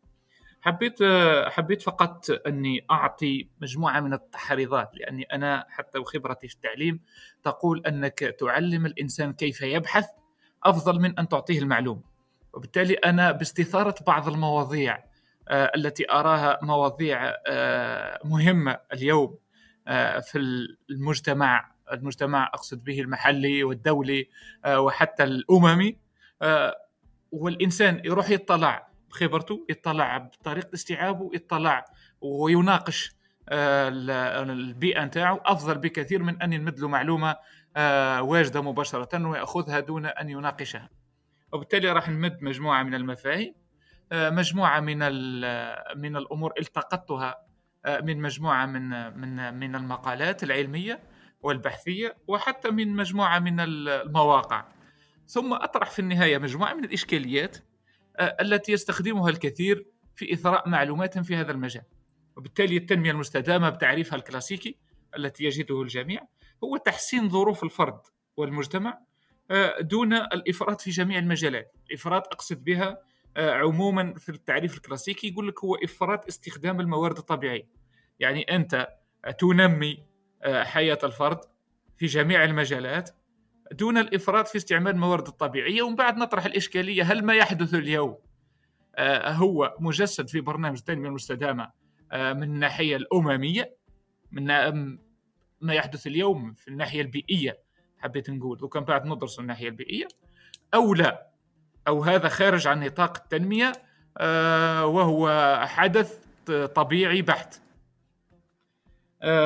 أستطيع أن أقول أيضا أنه التنمية المستدامة هي تنمية وتحسين ظروف الفرد والمجتمع دون المساس بقدرة الأجيال القادمة على تلبية حاجاتهم. وهذا ما يضمن الديمونه الديمومه والاستدامة. وبالتالي في مفهوم متقدم قليلا على التنمية المستدامه هو تحسين ظروف الفرد والمجتمع دون المساس بحاجيات الأجيال القادمة في المستقبل. وهذا دائما ما نراه من الخبراء وحتى من ناحية الأمم المتحدة دائما عندما تطرح مشروع التنميه المستدامة تطرحه على عشر سنين بما يضمن أن الجيل القادم يستطيع تلبية حاجاته في ضم تلك الظروف وتلك المؤشرات التي يضعها آه وبالتالي أنا حبيت نهضر على أبعاد التنمية المستدامة بريفمون من نهضر بسرعة على أبعاد التنمية المستدامة، التنمية المستدامة فيها ثلاث أبعاد أساسية. فيها البعد الاقتصادي وفيها البعد الاجتماعي وفيها البعد البيئي اللي حبيت نركز عليه اليوم لأني أمس ذكرت أنا آه تخزين الطاقة وتأثيره على البيئة. تخزين الطاقة الكهربائية هو داخل في التنمية المستدامة اليوم. أما هل عنده بعد بيئي آه سيف كما نقولوا هو بعد بيئي آه صحي؟ أم لا؟ وهذا أعلاه المصطلحات هذه أردت أن أقول أنها مصطلحات معقدة ومتداخلة. أما الإنسان إذا فهم المؤشرات لأنه ديما الباحث وش يقول؟ لا أستطيع أن أفهم الأمور المعقدة لكني أستطيع قياسها من خلال بعض المؤشرات. وبالتالي الخبير اليوم إذا أراد أن يقيس التنميه المستدامة فيرجع إلى ما يسمى بالمؤشرات. إذا كان عنده مؤشر اقتصادي يقيس تنميته المستدامة من خلال المؤشر الاقتصادي إذا كان عنده مؤشر اجتماعي يقيس التنميه المستدامة عن طريق المؤشرات. وإذا كان عنده هو في ثلاثة فهو يستطيع قياس آه، المؤشرات من خلال البعد الاقتصادي والبعد البيئي والبعد الاجتماعي. أكيد هناك أبعاد أخرى مثل البعد التكنولوجي اللي ركزوا عليه الكثير من الناس. أما أنا حبيت نذكر الدوائر الكبيرة. حتى لا يدخل الناس في التفاصيل دون أخذ بعين الاعتبار الدوائر هذه الكبيرة. البعد التكنولوجي ولا البعد السياسي ولا أي بعد آه، ممكن يهز الإنسان بعين الاعتبار. فأنا أقول انه توجد مجموعة من المؤشرات آه، هذه المؤشرات يستعملها الخبير آه، لقياس التنميه المستدامه سواء المحلية في مجتمع محلي أو دولية في مجتمع دولي آه، أو أممية كما تفعل اليوم الأمم المتحدة وهي في النهاية راح نقول لكم على البرنامج تاعها الذي يتكون من 17 من 17 مؤشر سوف تستخدمه مثلا المنظمة هذه الأممية آه، لقياس أو آه، لترشيد التنمية المستدامة اليوم. مانيش راح نذكر 17 هذه لأنه أي واحد يقدر يكتب آه، التنمية الأمم المتحدة ولا مشروع التنمية المستدامة للامم المتحدة من 2020 ل 2030 ويقرأ هذه المؤشرات ويرى هل المعطيات اليوم تقول أن هناك حقيقة تجسيد لهذا المشروع بعد عامين اليوم من طرح هذا المشروع أو لا. آه، فهناك مؤشرات اقتصادية وهناك مؤشرات اجتماعية وهناك مؤشرات آه، آه، الشيء اللي حبيت أركز عليه أيضا هنا أنه هذه المؤشرات فيها أمور تفصيلية بما فيها الغذاء بما فيها التلوث بما فيها الفلاحه السياحة وحتى الصحة. وهل أنا ديما نطرح في الإشكاليات وفي النهاية يجد المستمع آه، مقدار من التحريض في مخه حتى يذهب ويلتقط هذه المعلومات. هل المؤشر الصحي اليوم يدل على أنه سوف تكون هناك تنمية في هذا المجال؟ هل المؤشر اليوم الغذائي آه، في الكثير من المناطق اليوم يدل على أن هناك تنمية آه، وديمومة لأن التنمية هو التحسين والديمومة كما قلت قبيلة هو عدم المساس آه، بالأجيال المستقبلية. هل هناك في المجال الصحي مثلا آه، ستكون هناك آه، تنمية دون المساس بالأجيال القادمة؟ والعكس. هذه شوية مصطلحات معقدة. راح نفوت مباشرة دون الإطالة إلى أهداف التنمية المستدامة ومن ثم نطرح أنا وش وجدت عن طريق أبحاثي أنا في مشروع التنمية المستدامة في المستقبل خاصة بما يسمى اليوم بالكتلتين آه، أركز اليوم على الراسماليه وما تطرح اليوم من آه، كتنمية مستدامة. أهداف التنمية المستدامة آه، فيها أهداف مجتمعية من ناحية تنمية المجتمع من خلال من خلال توفير ما يسمى بالعدل والمساواة، مساواة أقصد هنا مساواة في في فرص العمل، أقصد العدل والعدل هذا تقدر تقول مفهوم معقد لازم تفصيل وحده. آه، العيش والكرامة. هذه من بين أهداف التنمية المستدامة انه الإنسان يعيش بكرامة. آه، الرخاء للفرد من الناحية الاقتصادية. يعني يظل عندك أنت في دولة اقتصاد قوي. آه، الذي يضمن الرخاء للفرد ومن ثم للمجتمع. وحمايه البيئة من حيث كما قلت لك قبيلة كما هضرنا أمس على ماده الليثيوم انه أنت تعتمد على الاقتصاد مثلا في إنتاج السيارات الكهربائية الذي سيضمن هناك رخاء ويضمن آه، أن هناك مجتمع تطور دون تلوث ودون كذا. أما في نفس الوقت تستعمل طاقة نظيفة أما في نفس الوقت هذا سيؤثر آه، على البيئة من ناحية التلوث من ناحية الفلاحة من ناحية آه، جودة التربة وما إلى ذلك. آه، نذكر الهدف الأخير آه، وبه أختم ما يسمى اليوم بالشراكة، الشراكة من ناحية البحث العلمي وهذا ما يشجعه اليوم برنامج التنميه المستدامه وأنا ديما نركز على البحث العلمي لأنه الذي لا يفهم أن البحث العلمي هو أساس أقول أساس وأنا متأكد ما أقول انه البحث العلمي اليوم ومجتمع المعرفة هو أساس التنمية في كل الشعوب وأساس بحث علمي قوي هو أساس ديمو ديمومة أو استدامة آه التنمية. آه الشراكة من ناحية الشركات فاليوم آه نذكرها كسهم أو كمطة وحدها أنه آه، الشراكة اليوم ما يطرح اليوم في أنه من 2030 سيكون مشروع التنميه المستدامه على ما يسمى بالحوار. الحوار بمشمول بمشمول البسيط حوار من عدم تطرف حتى تجده حتى في العائلة الواحدة. ثم الحوار فيما يسمى الحوار بين الشركات وهذا أساس ما يسمى بالرأسمالية اليوم. هل الصراع اليوم القائم في العالم هو عدم غياب الشراكة بين هذه الشركات المتناحرة؟ هل أساس كل هذه الأزمات بما فيها الأزمات البيئية آه، والأزمات الدولية والأزمات الاقتصادية وحتى الأزمات السياسية هو أساس غياب الشراكة آه، والحوار. كل هذه الإشكاليات أنا أطرحها اليوم حتى آه، يتلقاها المتلقي يكتبها ثم يبحث عنها ثم ينمي مقداره المعرفي من خلال هذا المصطلح المعقد وهو التنمية المستدامة. إن شاء الله نكون استفدنا جميعا. وبارك الله فيك أخي طارق. بارك الله فيك خويا خالد يعطيك الصحة. موضوع شيق ومهم جدا حكاية التنمية المستدامة. donc آه، أنا اللي شدد انتباهي في الأول واحد الجملة اللي قلتها قلت الأهمية تاع اليوم الإنسان أنه يعرف آه، ليس أن يعرف المعلومة بذاتها لكن يعرف كيف يتعلم المعلومة. كاين واحد ال proverbe هكذا يقوله بالإنجليزي مانيش شافي على المصطلحات قد قد لكن في الترجمة تاعو يقول لك ليس من المهم أن أعرف كل شيء المهم أن أعرف أين وكيف أعرف عن كل شيء. donc هذا شوية les jeux de mots هذو يقول لك مستحيل إنه تلقى واحد عنده ويكيبيديا في راسه. لكن مهم جدا إنه يعرف كيف وأين. وكيف يعرف هذيك المعلومة اللي ناقصته هذه أنا في بالي هذه ال keyword هذه الكلمة المفتاح في في في في كل ذات بشرية. كنا نعرفون نلحقوا له هذه المعلومة هذه الجزئية إنه عليه ليس أن يعرف كل شيء لكن يعرف كيف وأين يبحث عن كل شيء. دونك بارك الله فيك. أنا سجلت نقاط مهمة اللي ما كان له ندير التلخيص تاعها لكن الأبعاد الاقتصادية والاجتماعية والبيئية في هذا الموضوع موضوع التنمية المستدامة أكيد مهمة جدا وأكيد المؤشرات اللي حكيت عليها 17 مؤشر في في الأمم المتحدة التي تدل على إذا كانت هذه المنطقة ولا هذه الدولة ولا هذه المجموعة عندها تنمية مستدامة ومحافظة عليها وليست محافظة عليها أكيد أنا ندعو كل واحد مهتم في هذا المجال يروح يبحث في في ويكيبيديا في في أي مجال عن التنمية المستدامة مؤشراتها ومعرفتها. إذا كنا من الدول ولا من المناطق التي تحافظ على تنمية مستدامة لأن المشكل في التنمية واحد الوقت كنا نحكيو على التنمية وفقط وبس. يعني التنمية لكل دولة لازم تحافظ على التنمية نسبة النمو في كل دولة اقتصاديا اجتماعيا والأمور هذه. لكن طور هذا المفهوم وليست التنمية في ذاتها التي أصبحت مهمة بقدر ما أن تكون هذه التنمية مستدامة. السلامة. هذه يمكن النقطة اللي نضيف هنايا إنه التنمية في ذاتها لم تك... لم تعد تعد هي الأهم في في وقتنا الحالي.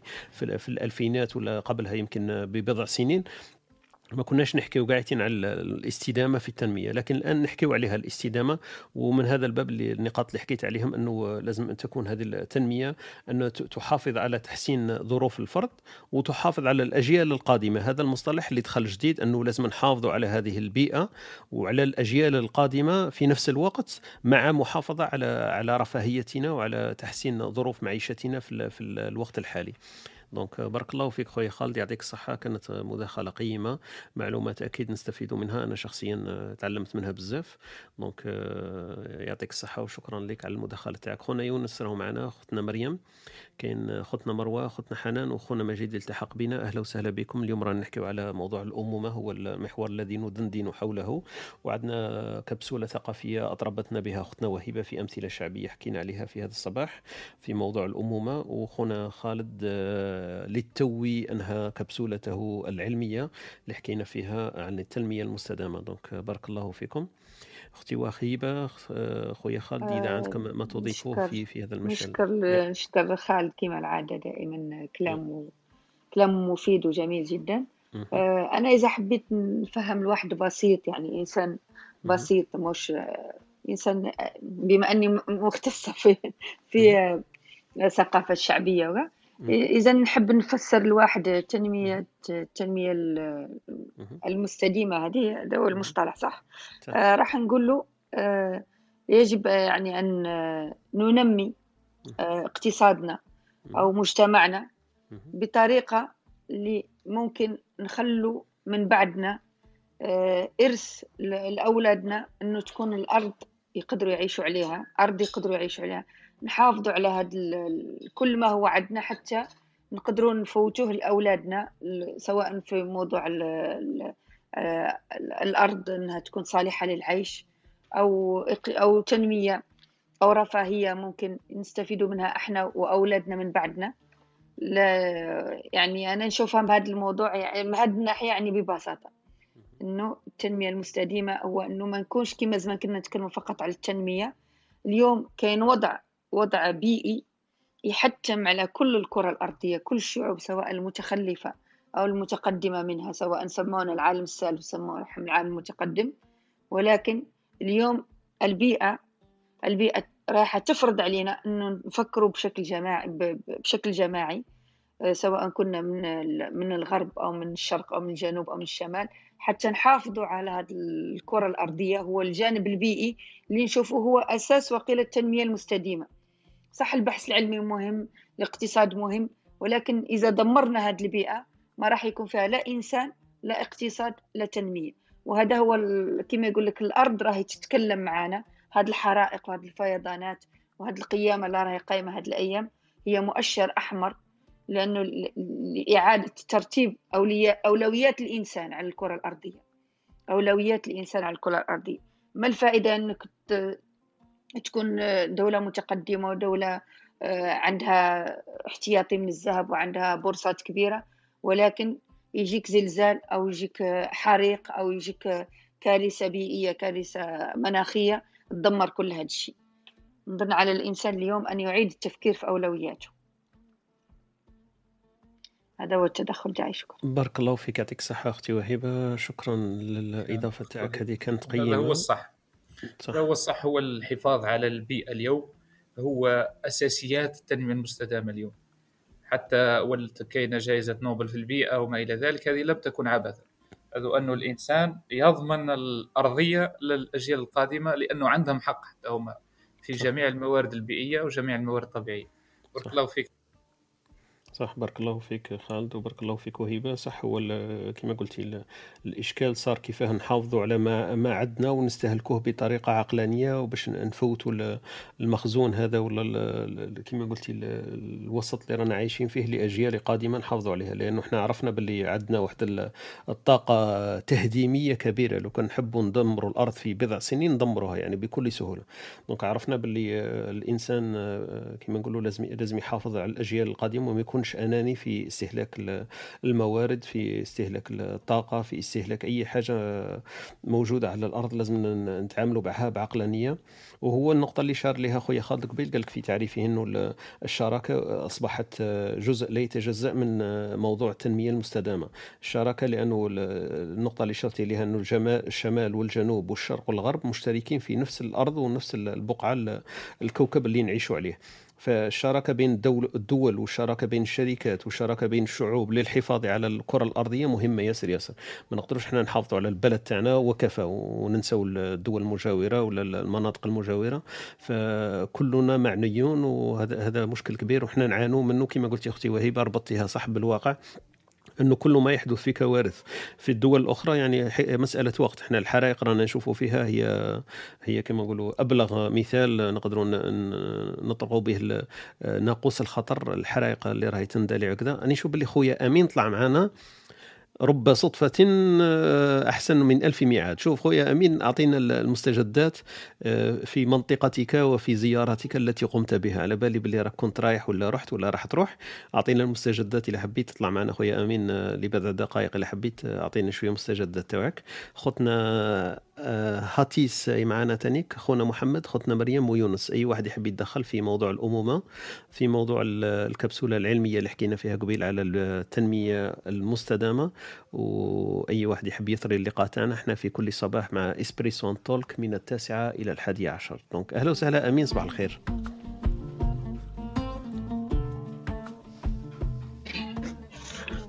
خويا طارق صباح النور و... صباح الخير أمين. أمين راني نتبع فيك هاك عرفت؟ يعطيك الصحة اني أني اني ملصق لك بيس تاع جي بي إس أني كابتي فيك أنا على بالي وراك. يعني نقول يا خلاص نهار اسمع نهار اللي خمس نهار اللي خمس معاك حميد على بالك ولصق لك واحد الكابسول ترونسبارونت في اليد تاعك وما كنتش على بالك. صح آه، بيكون في علمك بصح ما خمسش معايا. كنا في كورونا شوف كيف كيف ترونسميتها لك وصاي ليزونسيال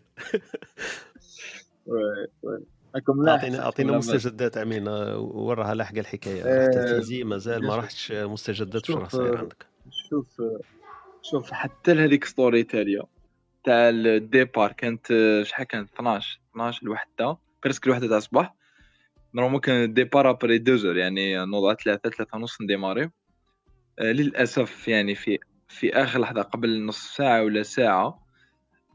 كيما على بالك يعني الناس راهم حساسية من شصره في تيزي في الأربعة. للأسف الأهالي الأهالي تاع العائله يعني les parents تاع اللي كانوا رايحين parce que sont des jeunes اللي كانوا رايحين معنا. قال لك ما تروحوش لتيزي يعني un chauffeur اللي كان رافد بزاف يعني كاميون آه، رافد بزاف. les parents تاعو قالوا له آه، يعني إذا تبغينا ما تروحش لتيزي أنا خايفين عليك. أنا mes parents كذلك ما قالوش ما تروحش لكن آه، تخوفوا شوية. أنا عارفيني بلي عندي صديقي ثم واصدقائي ومولف نروح ثم الأربعة حتى. فقال لك روح برك ورد بالك لكن الناس اللي جامي راحوا ثم ولا ما عندهمش علاقات ولا لي بارون تاعهم قال لهم ما نسمحكمش كون تروحوا. ماشي زعما ما جبايكم ديروا الخير روحوا أي مكان روحوا أي ولاية ما تروحوش لتيزي في هذا الوقت. قال لهم أنا خايفين عليكم ومن حقهم والديهم قال لك باش الور أمين باش آخر لحظة باش نحطوا برك الناس نحطوا برك الناس اللي راهم معنا في, في الصورة يمكن الناس ما على بالهمش. أنا طلعتك معنا اليوم باش تحكي لنا على آه، كانت كاينة آه، هكذا حملة راكم ديروا بها تاع مساعدات وتبرعات حابين كنتوا تدوها البارح توصلوها المناطق اللي فيها الحرائق لأنه إحنا حكينا على حكاية البيئة والتنمية المستدامة. دونك من هذاك الباب حبيت باش نعرفوا المستجدات واش راه صاير في مناطق تاع الحرائق اللي إحنا اللي عندنا في البلاد. أنتم مجموعة من الشباب كنتوا حابين تحملوا مساعدات وتدوها المنطقة هذيك اللي راهي متأثرة. آه هذا برك باش نحطوا في الصورة الناس. donc البارح قلت لي بلي ما رحتوش تخوفا. آه كربطتها انت directement لأنه الأمهات موضوع الأمومة. donc الأمهات تاع الناس هذوك خافوا على الأبناء تاعهم وقالوا لهم آه، يكون مستحسن إنكم ما تروحوش. هكذا؟ yes yes exactly يعني. ال parents اللي ما اللي ما خلاوش و juste voilà دوك ت reporter ات soit اليوم ن démarrer و العشيه نشوفوا un autre chauffeur ولا ولا نروح لولايه أخرى l'essentiel قلنا. maximum 24 heures.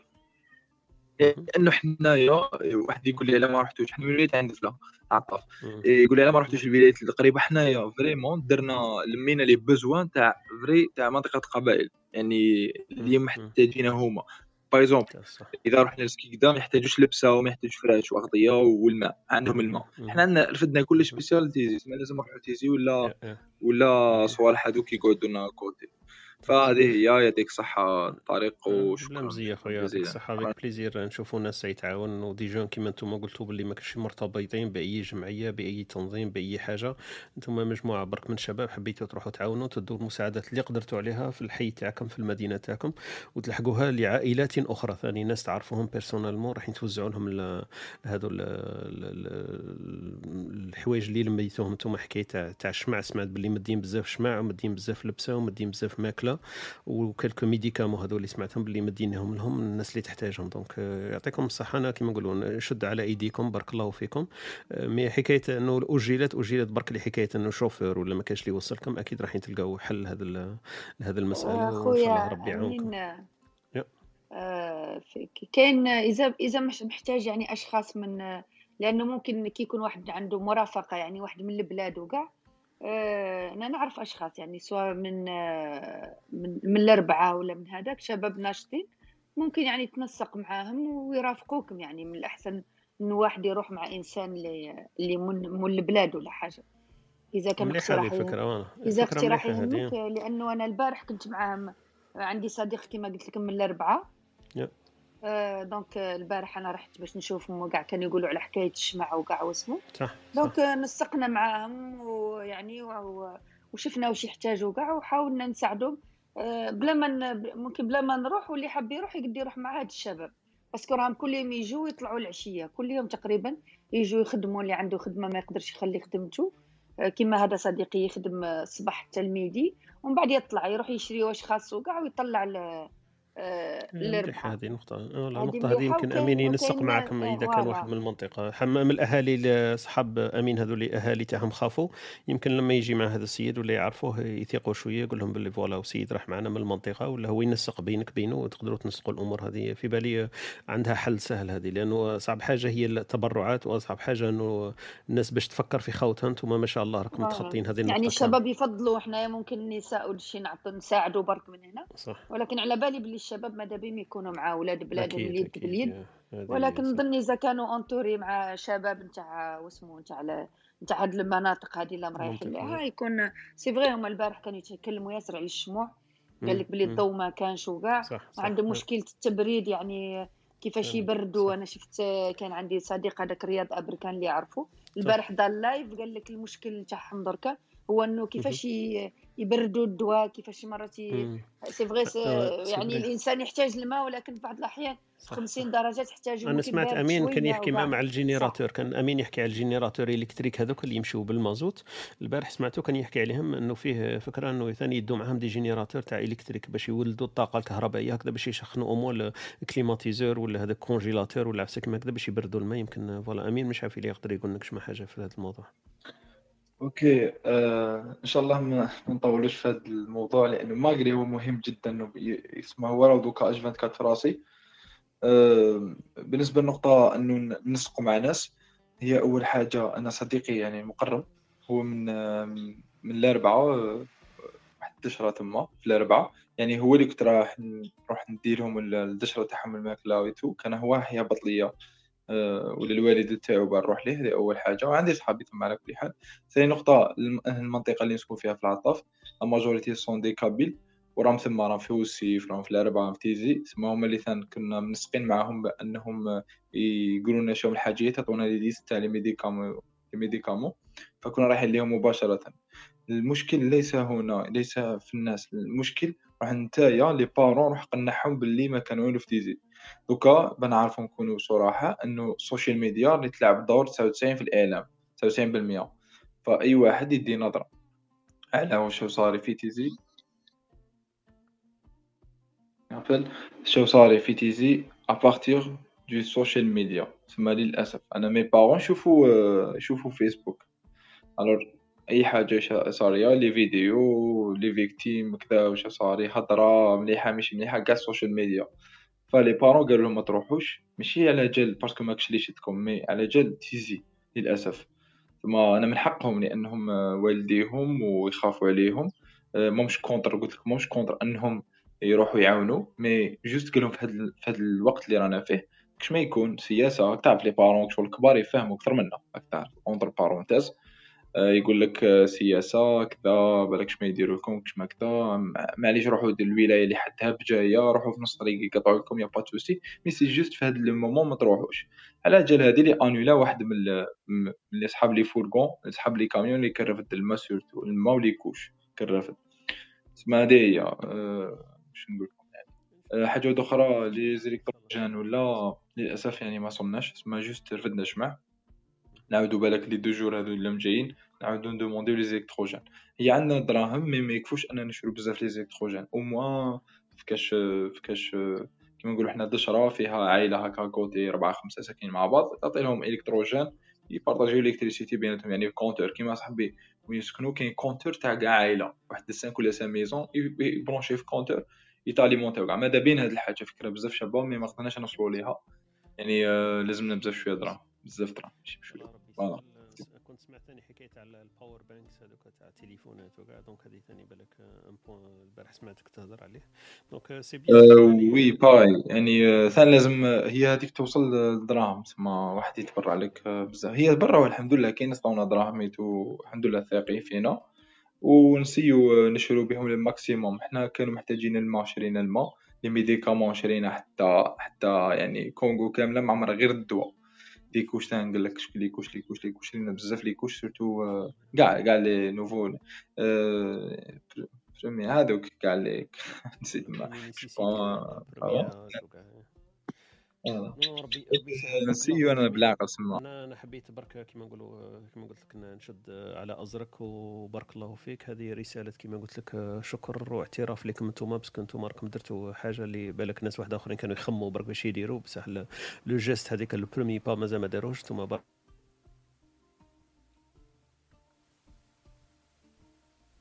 وإن شاء الله تلقاو لها حل لأنه حاجة سهلة بسيطة إنه حكاية التوصيل هذيك تلقاو لها حل أكيد في هذا ال- اليومين هذو الجايين لأنه مازال الناس تحتاج ماهيش راح تخلص الشهر الجاي تخلص ال- الاحتياجات تاعها. بارك الله فيك صحيت آمين. voilà voilà donc كان هذا بين قوسين فيما يخص ال- الأوضاع. أوضاع المساعدات بما أن حكينا على البيئة وحكينا على واش راه صاير في في مجال الحفاظ على البيئة وفي في محورنا وفي منطقتنا. donc من هذا الباب. voilà وخونا أمين من- حيث لا يدري ربطها بحكاية الأمومة. قال كاين أمهات خافوا على الأولاد تاعهم. ما خلاوهمش يروحوا. donc آه، رب رب موضوع ما كناش حابين نحكيو فيه فحكينا فيه بطريقة غير مباشرة. الأمهات خافوا على الأبناء تاعهم لأنه شافوا باللي كاين خطر في هذيك المنطقة ولا سمعوا باللي كاين كاين أمور يمكن ما- ماهيش ما مش حابين أولادهم يلقوا بهم في في هذاك ال- الإشكال هذاك. بارك الله فيكم. ما يسعني إلا أن أشكركم. يعطيك الصحة أختي وهبة يعطيك الصحة خويا خالد أميمة اللي كانت معنا اليوم. آه، طلع معنا خونا شمس الدين يمكن. خونا يونس أو كتب لي قال لي إني مستمتع بالاستماع فإن شاء الله تكون مستمع دائم واستمتاعك يكون دائما. أختنا حنان ثاني معنا اليوم. آه، فيه خوتنا آه، خونا مجيد.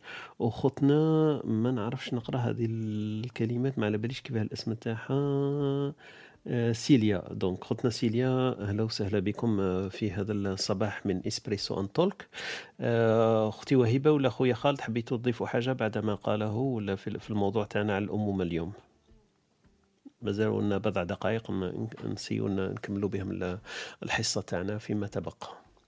آه، موضوع جميل طبعا كما كاع الأموم موضوع موضوع يعني يثلج القلب يعني ديجا واحد كي يتكلم على أمه ولا على الأمومة. ويتذكر هذا الشعور الجميل يعني آه، تحس بطاقة إيجابية في هذه الأيامات اللي كاين كل هذه السلبية من حولنا. الحمد لله يعني على نعمة الأمومة ونعمة الأم سواء كانت حاضرة أو غايبة عايشة أو متوفية.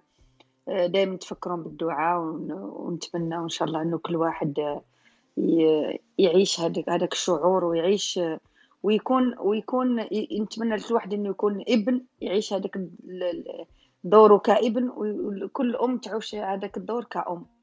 يعني هذا أجمل شيء ممكن يتمناه الإنسان.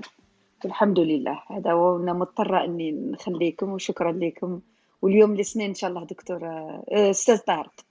باش ما نغلطش. مليح. voilà. شكرا. شكرا. بارك الله فيك. مجتهدة ما شاء الله وهبه من أول درس. بارك الله فيك بارك الله فيك. يعطيك الصحة وسمحي لنا على الإزعاج تاعك. إحنا على بالنا باللي عندك التزامات وعندك مشاغل. لكن نتشرفوا بلقائك وما نصبروش عليك. donc أهلا وسهلا بك النقاش النقاش يوسع الإدراك كما نقول أنا دائما ويخليك تشوف الأمور يعني كل موضوع من وجهة نظر مختلفة. بزوايا وكل مختلفة واحد فينا عنده نقطة عمياء ما يقدر يشوفنا الموضوع ولكن كيجي واحد ويناقشك. ويطرح أفكاره تقدر ت- هذه يوسع الإدراك نتاعو الحمد لله وشكرا لكم وحنا نستفيد بارك الله كذلك استفادة. كبيرة يعطيكم الصحة وشكرا بارك الله فيك أختي وهبه يعطيك الصحة انت ثاني أسبوع موفق لك وجمعة مباركة. وكما قلتي إحنا إن شاء الله نكونوا مناظير للآخرين انه يجي نشوفوا بها أماكن ولا بقع واحدة أخرى الناس ما يشوفوهاش. نقدروا نسيو نضووها ولا نعينوها ولا نبينوها لهم. شكرا لك أختي وهبة. نلتقي إن شاء الله يوم الاثنين في كبسولتي الثقافية ولا كبسولتك الثقافية. دونك اللي نحكيو فيها إن شاء الله على الأمثلة الشعبية ككل صباح مع الإسبريسو ان تولك. أختي أميمة كلمة نكملوا بها اللقاء تاعنا تاع صباح آه، كيف لقيتي ال- ال- الموضوع هذا تاع الأمومة وكيف كيف بدا لك؟ آه، يعطيكم الصحة على الموضوع. في الحقيقة هو موضوع جد واسع. ويقيس قداه من جانب من جوانب الحياة تاع الكل. آه، ممكن حتى نقيسو كما قلت لنا في الأخير مع الجانب الإنساني تاع الإنساني على الأم تخاف على ولادها. آه، إن شاء الله خير.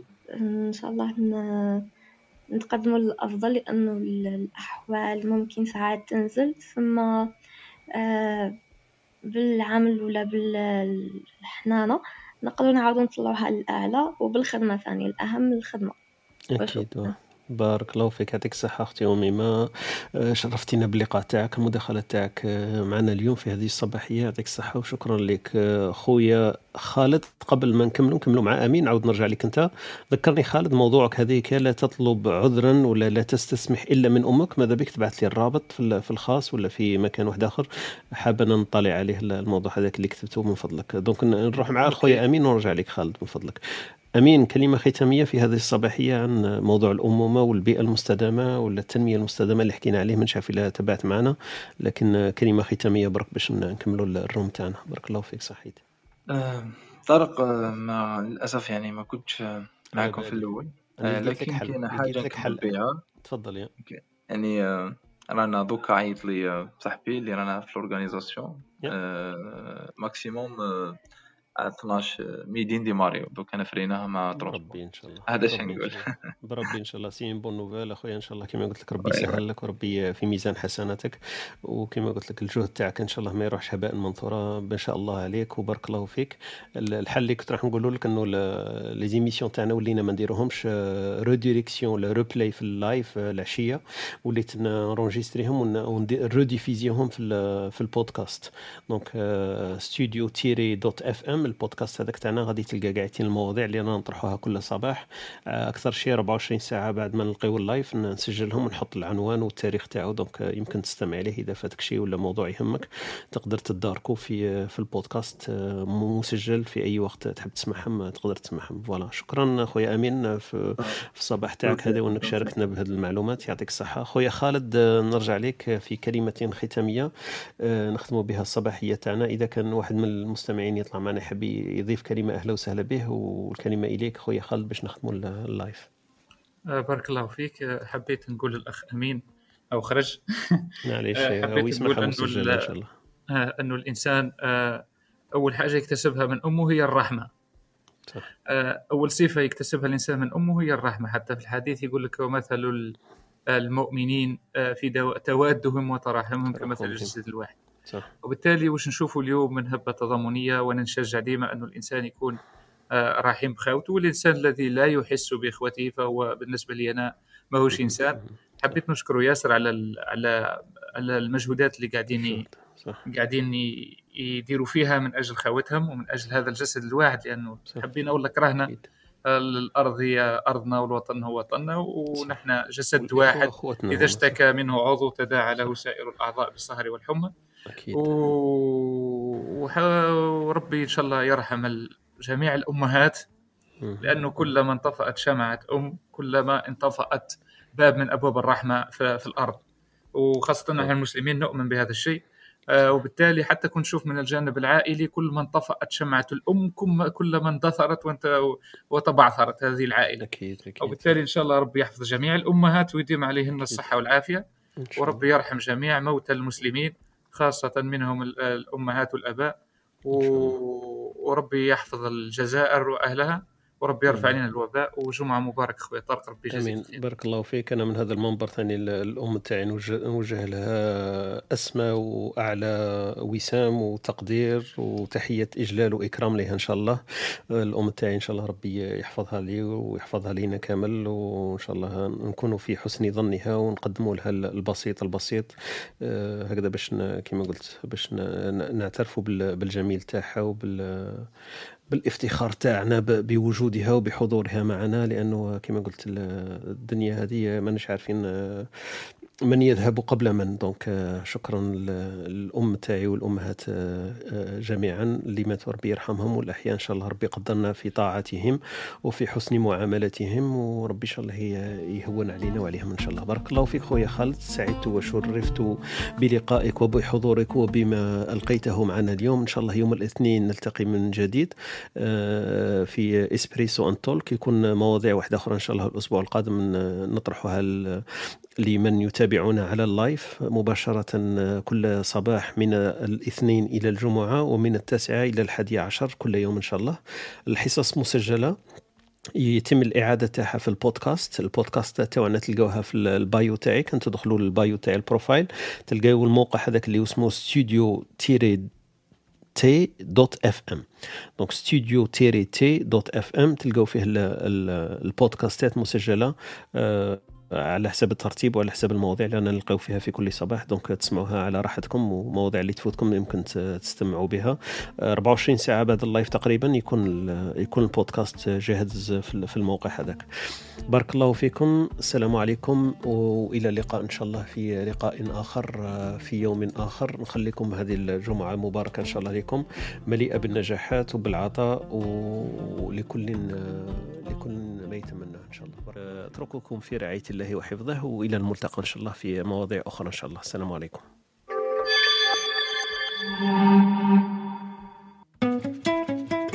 أنتم تستمعون إلى إسبريسو توك مع طارق. يأتيكم يوميا من الثامنة إلى الحادية عشر. تجدون فيها موسيقى حوارات أقوال عبر وعبارات. استمتاع واستفادة يوميا. استمتاع واستفادة يوميا.